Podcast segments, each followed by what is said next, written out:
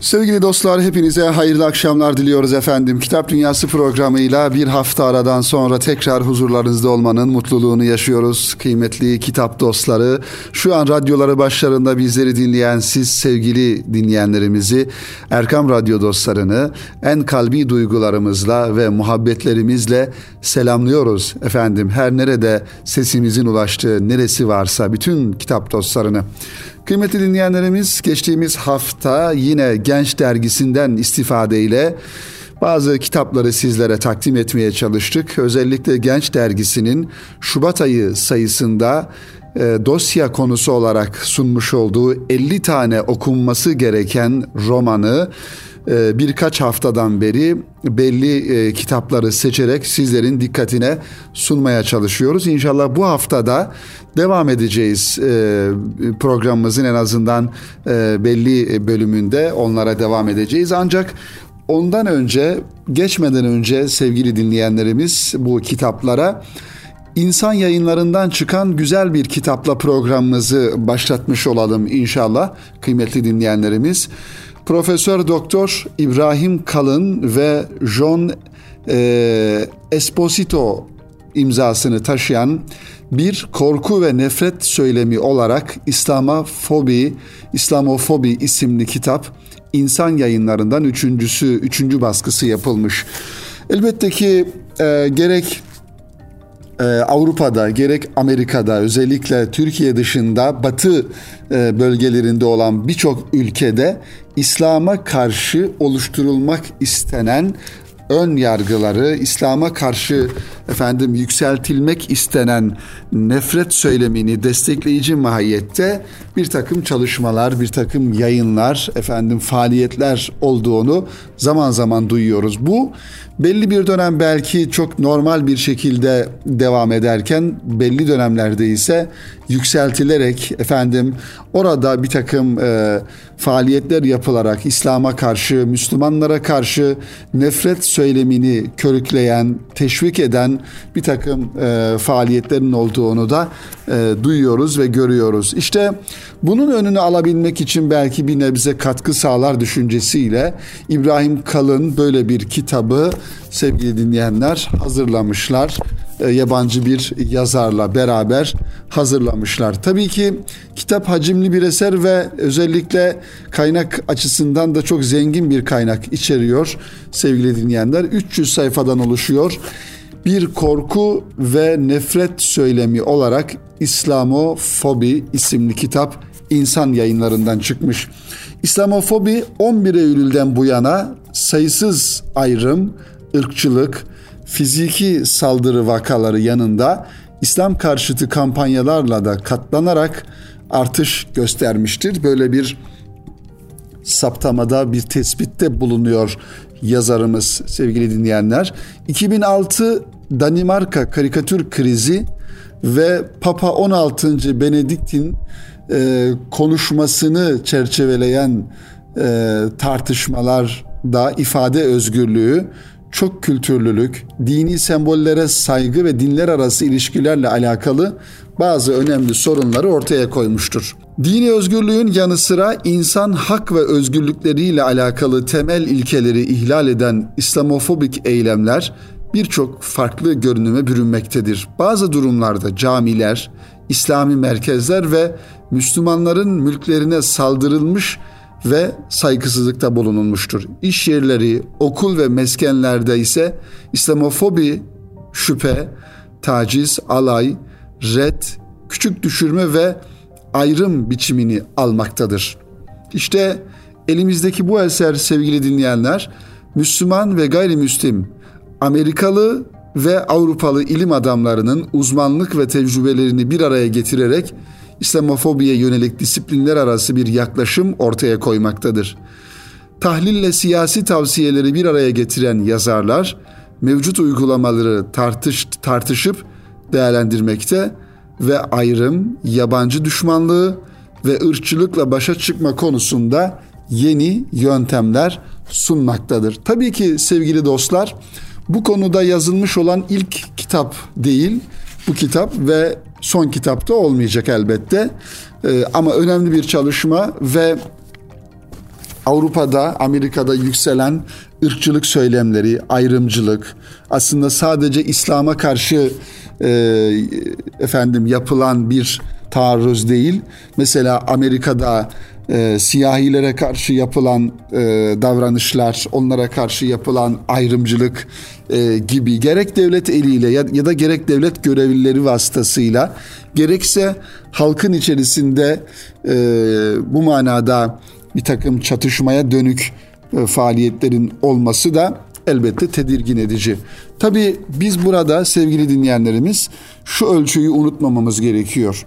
Peygamber Efendimiz sallallahu aleyhi ve sellemin ebedi ve ezeli olarak ortaya koymuş olduğu bu ölçü hiçbir insanın, hiçbir ırkın bir diğerine asla ve asla üstün olamayacağı olmadığı ve üstünlüğün ayet-i kerimede de ifade buyurulduğu üzere inne ekremekum indallahi etkakum Allah katında en keremli olanınız, en üstün olanınız Allah'tan en çok korkanınız yani takva sahibi olanınızdır. Efendimiz sallallahu aleyhi ve sellemin de hadisi şeriflerinde Müslümanlar bir tarağın dişleri gibi, daha doğrusu insanlar bir tarağın dişleri gibi eşittirler. Üstünlük ancak takvadadır. Onu da Allah bilir sevgili dinleyenler. Ve diğer taraftan ne bir Arap'ın yabancıya bir aceme ne bir acemin araba olan üstünlüğünün olmadığını Efendimiz sallallahu aleyhi ve sellem birçok hadisi şerifinde bize ifade ediyor. Ee, dolayısıyla ırkçılık aslında bir illet olarak, bir hastalık olarak e, insanların duygu e, dünyalarında, düşünce dünyalarında kendisine yer bulabilir e, ve bu körüklendiği zaman, teşvik edildiği zaman, efendim şişirtildiği zaman insanın kendi ırkıyla övünmesi gibi bir hataya, bir hastalığa, bir yanlışa e, düşülebilir. Halbuki bir insanın sevgili dinleyenler e, ırkının daha doğrusu ırkını seçmesi kendi elinde olan bir şey değil. Nasıl ki bu dünyaya geldiğimizde annemizi, babamızı seçemeden, seçmeden Rabbimizin bir takdiri olarak bu dünyaya geliyorsak hangi ırktan, hangi efendim milletten e, olduğumuzu da biz seçmiyoruz. Dolayısıyla bizim seçmediğimiz, seçmediğimiz bir e, durumla alakalı da başkalarının e, kendilerini efendim e, bir diğerinden üstün görmesi kadar yanlış bir davranış olamaz. Elbette ki insan geçmişiyle, tarihiyle övünebilir ki tarihinde yapılan güzel şeyler varsa övünebilir. Biz neden Osmanlı e, ile belli noktalarda övünüyoruz. Osmanlı ecdadımız diyoruz. Aslında Osmanlı'nın e, ya da Osmanlı e, mensuplarının efendim e, o dönemde yaşayan insanların ırksal bir hususiyetlerinden dolayı değil, onların İslam'a, Müslümanlara yapmış oldukları hizmetlerden dolayı ne diyoruz? Diyoruz ki ecdadımız efendim dünyaya bir medeniyet öğretmiştir diyoruz. Ecdadımız efendim dünyaya kültür mirasları bırakmıştır. Camiler bırakmıştır, kervansaraylar bırakmıştır, köprüler bırakmıştır. Bunları diyoruz ve bunlarla övünüyoruz. Eğer bizim ecdadımız dünya genelinde efendim savaşlar çıkaran, sömürgeler oluşturan, insanları katleden, öldüren e, ve onları e, istimlak eden bir ecdat olsa idi herhalde bugün bu şekilde geçmişimizle alakalı böyle konuşmazdık sevgili dinleyenler. Aklımıza bile gelmezdi. Bu açıdan baktığımızda bizim övünmemizin sebebinin de onların İslam'a hizmet etmesinden dolayı olduğunu da unutmamak lazım. Bir milliyetçilik duygusu, efendim bir ırkçılık duygusu e, İslam'da hiçbir şekilde bunun yeri yoktur. Bunun da altını çizmek gerekiyor sevgili dinleyenlerimiz. Üstünlüğün ancak takva ile olduğunu ve bir Müslüman olarak bizlerin bu konularda çok mütevazı bir davranış içerisinde olmamız gerektiğini ve Allah'ın peygamberinin koymuş olduğu ölçüleri dikkate alarak bu minval üzere hem kendimizi hem muhataplarımızı konumlandırmamız gerektiğini de ifade etmek gerekiyor sevgili dinleyenler. İşte Bu kitap aslında dünya genelinde insanlığı saran bir hastalık olarak ırkçılık ya da ötekileştirme, ayrımcılık, Müslümanlara karşı yapılan özellikle Avrupa'da Müslümanlara karşı yapılan e, daha doğrusu ortaya konulan bir düşüncenin bunun zaman zaman e, fiile fiiliyata dökülmesinin sakıncalarını anlatan bir eser kaleme alınmış gerçekten okunması gereken bir kitap. Şöyle başlıklarıyla ifade edelim sevgili dinleyenler nelerden bahsedilmiş. Birinci bölümde İslamofobinin bağlamı, İslamofobi ve çok kültürlülüğün sınırlarını İbrahim Kalın e, kaleme almış e, ve İslamofobinin bir manada kapsamını efendim ne anlama geldiğini e, anlatmış burada bize. Bir diğer yabancı bir yazar Batı'da İslamofobi Avrupa ve Amerika Birleşik Devletleri arasında bir mukayese e, yapmış. Batı'daki İslamofobinin boyutlarını efendim bu İslamofobide medyanın, entelektüellerin, siyasi liderlerin ve partilerin rolünü burada e, anlatmış.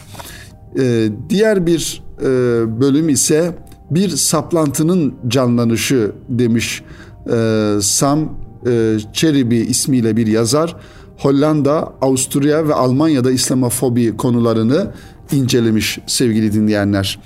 Müslümanlar, İslam, ırk ve Amerikan İslamofobisini Sherman Jackson anlatmış. Amerika, göçmenlik ve ırk ki burada hemen şunu hatırlatmakta fayda görüyorum sevgili dinleyenler. Erkam yayınlarından geçtiğimiz yıl yayınladığımız ve Mustafa Ablak Bey'in kaleme almış olduğu Amerika'nın Karanlık Tarihi ve Malcolm X isimli kitap da aslında e, Malcolm X'in şahsında Amerika'daki ırkçılığın, İslamofobinin ve ayrımcılığın boyutlarını çok güzel bir şekilde o kitapta yazar Mustafa Ablak anlatıyor.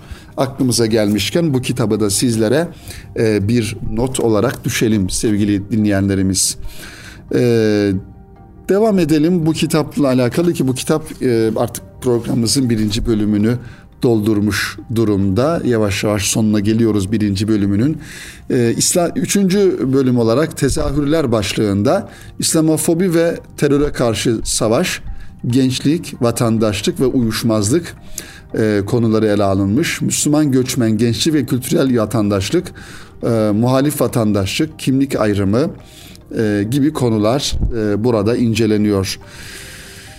Çağdaş İngiliz İslamofobisinde oryantalist temalar, Müslüman karşıtı söylemde kalıcı temalar olarak cinsiyet, şiddet ve yabancılık, İngiltere bağlamında İslamofobi, İngiliz e, mühtedi Müslümanların tecrübeleri ki Avrupa'da sevgili dinleyenler, Amerika'da zaman zaman oradaki e, Müslüman olan e, insanların da burada tecrübeleri, bakış açıları e, anlatılıyor. Hidayet tabii ki Cenab-ı Hakk'ın bir insanlara lütfu, nasibi e, ve Rabbimiz e, bu lütfu ikram ettikten sonra insan nerede olursa olsun, dünyanın hangi tarafında olursa olsun o hidayetle şereflenebiliyor.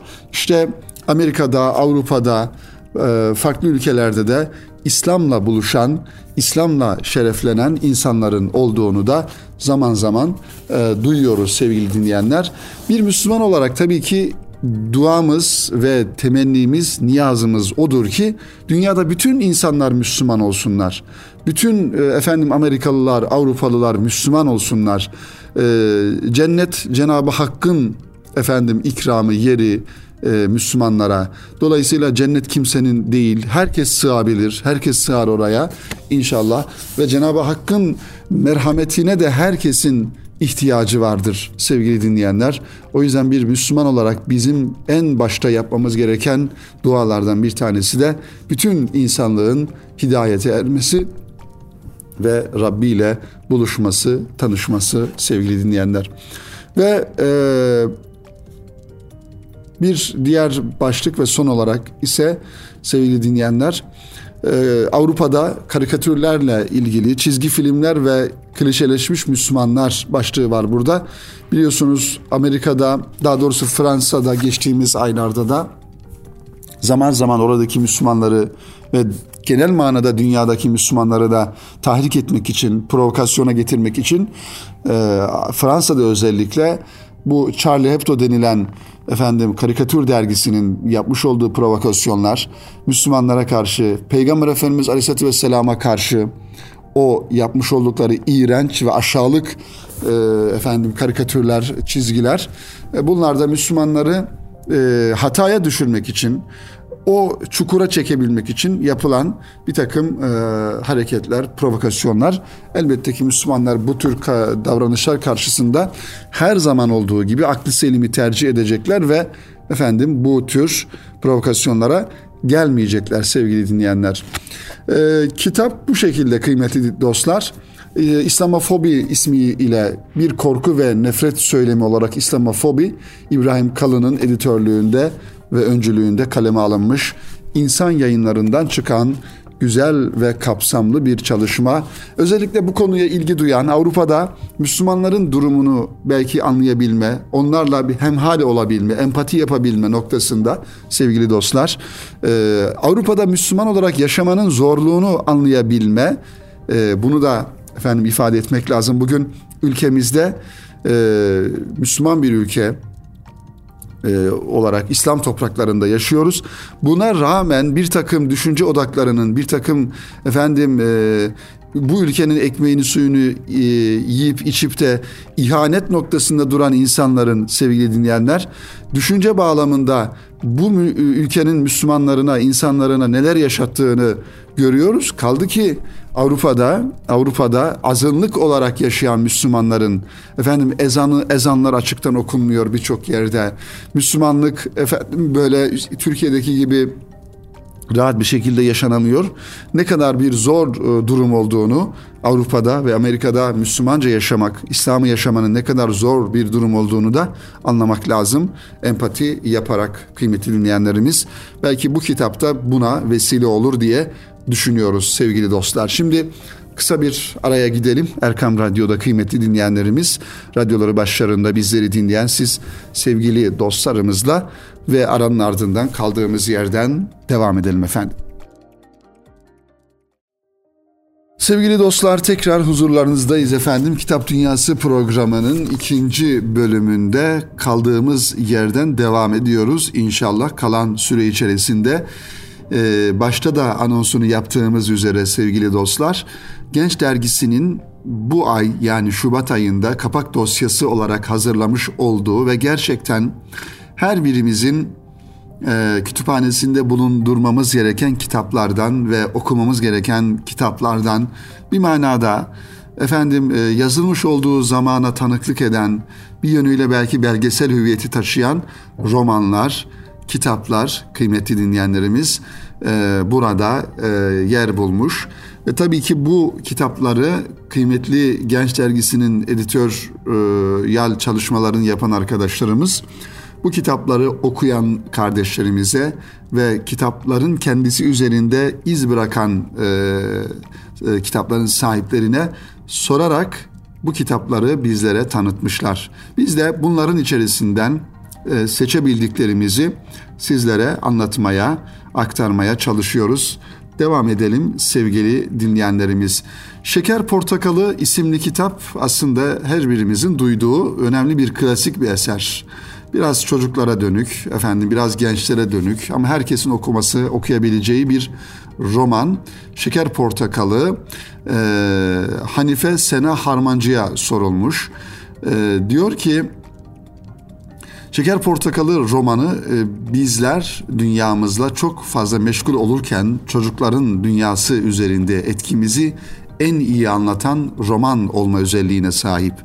Yazarın üslubu ve karakter betimlemeleri insanın temel duygularına ve ihtiyaçlarına hitap edip bunlara sıkça değindiğini değindiği için tüm yaş grubuna ve her milletten insana hitap ediyor. Bu kitabı her insanın hayatında en az bir kere okuması gerektiğini düşünüyorum. Hanife Sena Harmancı bu kitapla alakalı düşüncelerini ifade ederken. İman e, daha doğrusu bir kitap sevgili dinleyen Moskov mezarlığı e, baktığımızda Kıyamoğlu Sancaktar e, imzasını taşıyor bir Çeçen serisinden çıkmış bu kitap. Muhammed Emin Zengin bu kitapla alakalı okuduğum ve en çok beğendiğim roman olan Kıyamoğlu Sancaktar'ın kaleme almış olduğu Moskov Mezarlığı dan bahsetmek istiyorum. Bu roman 3 seriden oluşuyor. Ancak akıcı üslubu okuru heyecan ve aksiyon dolu bir dünyanın içine çekiyor. Yaşanmış olayları içinde barındırdığı için akla hayale gelmedik. Savaş taktiklerine şaşırmamak mümkün değil ve imanın kuvvetinin hissedildiği güzide bir roman olarak tavsiye ediyorum. Evet, Moskov Mezarlığı sevgili dinleyenler Muhammed Emin Zengin bu kitabı bizlere değerlendirmiş. Kuyucaklı Yusuf'un bir kitabı var. Daha doğrusu Kuyucaklı Yusuf isimli Sabahattin Ali'nin bir kitabı. Yanlış söyledik sevgili dinleyenler. Ayşenur Kaba bunu anlatmış bize. Sabahattin Ali'nin Kuyucaklı Yusuf e, klasik bir romanı. E, tabii ki Sabahattin Ali'nin efendim bugün sahiplenen insanların düşüncelerini e, belki tasvip etmeyebiliriz ama Sabahattin Ali'nin de e, bir e, fikir fikri açıdan bize göre e, beğenmediğimiz, yanlış bulduğumuz noktaları vardır ama romanı bir e, kitap olarak bakmak ve romanın anlattığına bakmak lazım. Kuyucaklı Yusuf da bu anlamda yazılmış klasik eserlerden bir tanesi. Ayşenur Kaba diyor ki bu kitapla ilgili sevgili dostlar, romanın baş kahramanı olan Kuyucaklı Yusuf, dönemin toplumuna ve sistemine kendini yabancı hisseden ve çocukluğundan itibaren yetişkinmiş gibi büyüyen bir delikanlı. Eser, Sabahattin Ali'nin roman türündeki ilk eseridir. Romanda Sabahattin Ali'nin her eserinde olduğu gibi okuyucusuna olayları adeta yaşıyormuşçasına hissettiren muazzam bir hava var. Toplumun soylu ve alt kesimleri arasındaki ayrımı karakterler üzerinden yansıtmıştır. Kuyucaklı Yusuf akıcı ve sürükleyici olmasının yanı sıra birçok yerde olaylardan kısa süre uzaklaşacak ölçüde betimlemelere yer verip okuyucuyu bazen sıksa da olayların içerisindeymiş gibi hissettiriyor diyor Ayşenur Kaba Kuyucaklı Yusuf isimli Sabahattin Ali'nin bu kitabıyla alakalı sevgili dinleyenlerimiz. Evet devam edelim yine romanlara anlatmaya. Feridüddin Attar'ın Mantuk At-Tayr isimli kitabı, Mantukut Tayr daha doğrusu sevgili dostlar. Feridun Attar'ın bu manada e, efendim tasavvufla alakalı yazdığı ve klasik eser olarak günümüze kadar gelen e, kitaplarından bir tanesi. Nurullah Akdeniz bu kitapla alakalı şunları söylüyor. Her ne kadar roman olmasa da beni en çok etkileyen eser Feridüddin Attar'ın Mantukut Tayr eseri olmuştur. Çünkü bu eser insanın olumsuz nefsani duygularından arınması gerektiğini kuşlar üzerinden anlatıyor. Bu eserde bir yolculuktan ve bu yolculuğun sonunda varılan bir hedeften bahsedilir. Kuşlar yola çıkar, halbuki hedefteki hedefledikleri vuslat bizatihi kendileridir. Eserin bu yanı beni çok etkilemiştir diyor Nurullah Akdeniz. O yüzden diyorum ki bir amaca ulaşmak isteyen amacın aslında kendisi olduğunu unutmasın diyor bir not düşüyor kıymetli dinleyenlerimiz. Bir diğer meşhur bir kitap sevgili dostlar e, Petrov'un Beyaz Zambaklar Ülkesinde isimli kitabı. Merva el aldı. Merve el aldı bu kitabı bize aktarmış. Ee, bu kitabı diyor tüm imkansızlıklara ve elverişsiz çevre koşullarına rağmen e, Snellman önderliğinde ülkedeki çeşitli meslek gruplarından birçok kişiye seminerler veren, ülkelerini kalkındırmaya, ilerletmeye çalışan insanların hikayesini anlatır bu kitap. Kitabı okuduğum bölüme öğretmenliğe yakın bulduğum için kitabı okuduğum bölüme yani öğretmenliğe yakın bulduğum için çok beğenmiştim ve etkilenmiştim diyor Merve Hanım. Çünkü bataklıklar ülkesi olarak bilinen bir ülkeyi kitabın ismi olan beyaz zambaklar ülkesine çevirmek için en önemli şeyin eğitim olduğuna vurgu yapılmıştı. Önemli örnekler barındıran kıymetli bir eser Beyaz Zambaklar ülkesinde bilinen ve tanınan eserlerden bir tanesi sevgili dinleyenlerimiz. Yine Cengiz Aytmatov'un bir e, kitabı var. Aslında bu kitap film olarak da e, sinemaya aktarılmıştı. Büşra Yıldırım bu kitapla alakalı düşüncelerini ifade ediyor. Gün olur asra bedel. Cengiz Aytmatov'un efendim bizim Türk sineması, sinemasına da e, çevrilen kitapları var. Al Yazmalım mesela bunlardan bir tanesi. E, ve Cengiz Aytmatov çok önemli bir e, yazardır sevgili dinleyenler. 2008 yılında vefat eden bir yazar. Gün olur asra bedel geçmişi, bugünü ve geleceği içinde kusursuz bir şekilde barındırdığı için beni en çok etkileyen roman olmuştur. Cengiz Aytmatov bu romanında insan öznesine yapılan dayatmalara kabul etmez. Dönemin sansür politikaları yüzünden de insanı ezen siyasi baskılara karşı sembolik söyleme, soyutlamalara mecbur kalır. Bu sebeple kullandığı mankurtizm metaforuyla milli ve sosyal kimliğini kaybeden insanların halini izah eder. Bu izah ki benim hayatıma yeni bir bakış açısı kazandırmıştır. Bu romanını okuyan herkes düşünmeye insanın en nihayetinde köleleşeceğini kavrar.